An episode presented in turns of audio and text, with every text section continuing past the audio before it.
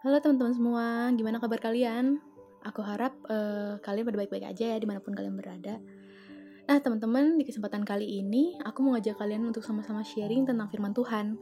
Tapi sebelumnya kita doa dulu ya. Bapak yang baik, Bapak yang penuh kasih, terima kasih Bapak untuk penyertaanmu yang luar biasa untuk kami Bapak. Bapak sebentar kami mau mendengarkan firman-Mu, Bapak mau kami mau berbagi cerita Bapak. Uh, biar engkau saja Bapak yang pimpin sharing kami hari ini Bapak. Kami mau serahkan semuanya hanya ke tanganmu Bapa di dalam nama anakmu Tuhan Yesus Kristus. Kami mau berdoa dan mengucap syukur. Amin. Nah teman-teman, hari ini aku mau ngobrolin tentang melihat sesuatu dari sudut pandang yang lain. Mungkin terkadang ketika kita mengingat sesuatu yang sudah berlalu, ada kalanya kita berpikir tentang seandainya. Ya, seperti seandainya saja saya tidak melakukan itu. Atau seandainya saja saya belajar lebih giat. Atau mungkin seperti yang sering kita dengar saat ini, setelah COVID-19 menyerang Indonesia. Banyak sekali orang yang bilang, seandainya pemerintah bertindak lebih cepat, dan sebagainya. Tapi hey, hal yang perlu kita sadari bahwa tidak akan jadi lebih baik ketika selalu menengok ke belakang dan menyesali masa lalu. Nah, aku mau ngajak teman-teman buat sama-sama buka Alkitab teman-teman. Kita akan sama-sama baca firman Tuhan dari Yeremia 29. Di sini aku akan bacain buat teman-teman sekalian ya. Yeremia 29 ayat 11 Sebab aku ini mengetahui rancangan-rancangan apa yang ada padaku mengenai kamu. Demikianlah firman Tuhan, yaitu rancangan damai sejahtera dan bukan rancangan kecelakaan, untuk memberikan kepadamu hari depan yang penuh harapan. Ya teman-teman, ada kalanya kita harus belajar untuk melihat segala sesuatu yang terjadi, bukan hanya dari satu sudut pandang saja, belajar untuk tidak terus menengok ke belakang dan mengatakan seandainya. Mungkin kita bisa mencoba untuk melihat sesuatu dari sudut pandang yang lain. Seperti yang udah kita baca, kita tahu untuk apa pun yang Tuhan biarkan terjadi dalam hidup kita, baik itu yang kita rasa baik atau buruk, Tuhan gak pernah sedetik pun lepas tangan dari kita. Dia tahu rancangan-rancangan yang terjadi dalam hidup kita tentu bukan rancangan yang mencelakakan kita. Ya, di tengah global pandemi COVID-19 ini, kita tahu banyak hal buruk yang terjadi. Tapi aku mau ajak teman-teman untuk melihat dari sudut pandang yang lain. Jujur, Aku pribadi ngerasa diingatkan kembali beberapa hal yang mungkin terlihat kecil, tapi cukup berdampak untuk aku. Kayak aku disadarkan betapa berharganya bisa berkumpul bersama untuk memuji dan memuliakan Tuhan di gereja. Mungkin teman-teman juga ngerasain hal yang sama. Pada kangen gak sih pelayanan bareng di gereja, memuji Tuhan, mendengarkan firman Tuhan, atau mungkin latihan reguler bareng di gereja?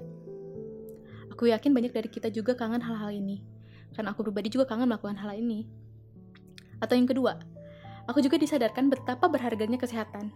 Sedikit klise, tapi sadar nggak sadar, kita jadi jauh lebih memperhatikan kesehatan tiap-tiap kita saat ini. Contoh simpelnya, jadi lebih rajin cuci tangan mungkin? Hal kecil, tapi kalau kita renungin, memang cukup mempengaruhi kita. Gak bisa dipungkiri, kadang terbersit dalam benak kita, kenapa sih Tuhan, corona ini harus terjadi? Mengingat dampak yang ditimbulkan juga bukan dampak yang kecil, tapi di sini aku mau ngajak teman-teman buat baca satu ayat lagi dari Alkitab kita. Kita akan baca uh, Yohanes 11 ayat 15. Di sini aku bakal bacain lagi buat teman-teman ya.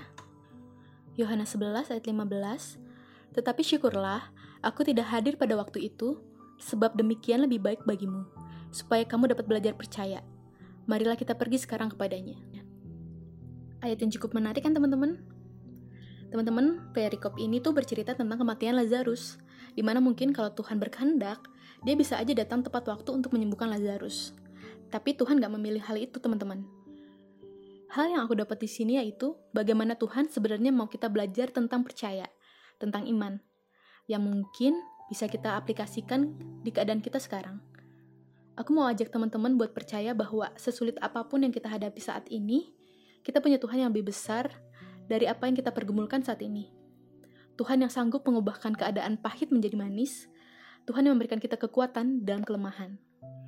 Jadi, yuk kita sebarkan semangat dan dukungan yang baik buat diri kita dan juga sekitar kita.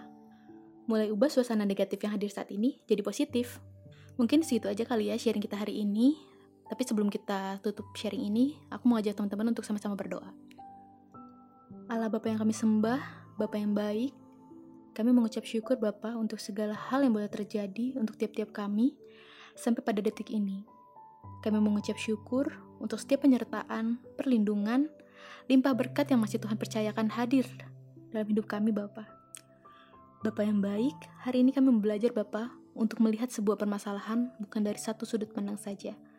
Kami belajar untuk mau percaya bahwa di setiap keadaan apa pun, Engkau Bapak yang gak pernah meninggalkan dan melepaskan kami anak-anakmu Bapak.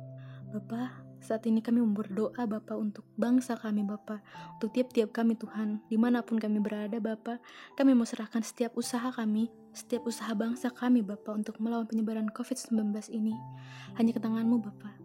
Engkau yang kiranya mampukan dan kuatkan kami Bapak. Terima kasih Bapak yang baik, terlebih lagi kiranya Engkau Bapak yang mengampuni segala dosa dan kesalahan kami Bapak. Di dalam nama anakmu yang hidup Tuhan Yesus Kristus kami sudah berdoa dan mengucap syukur. Amin. Nah teman-teman, sampai di sini dulu ya sharing kita hari ini. Tetap jaga kesehatan, stay safe, and spread positivity.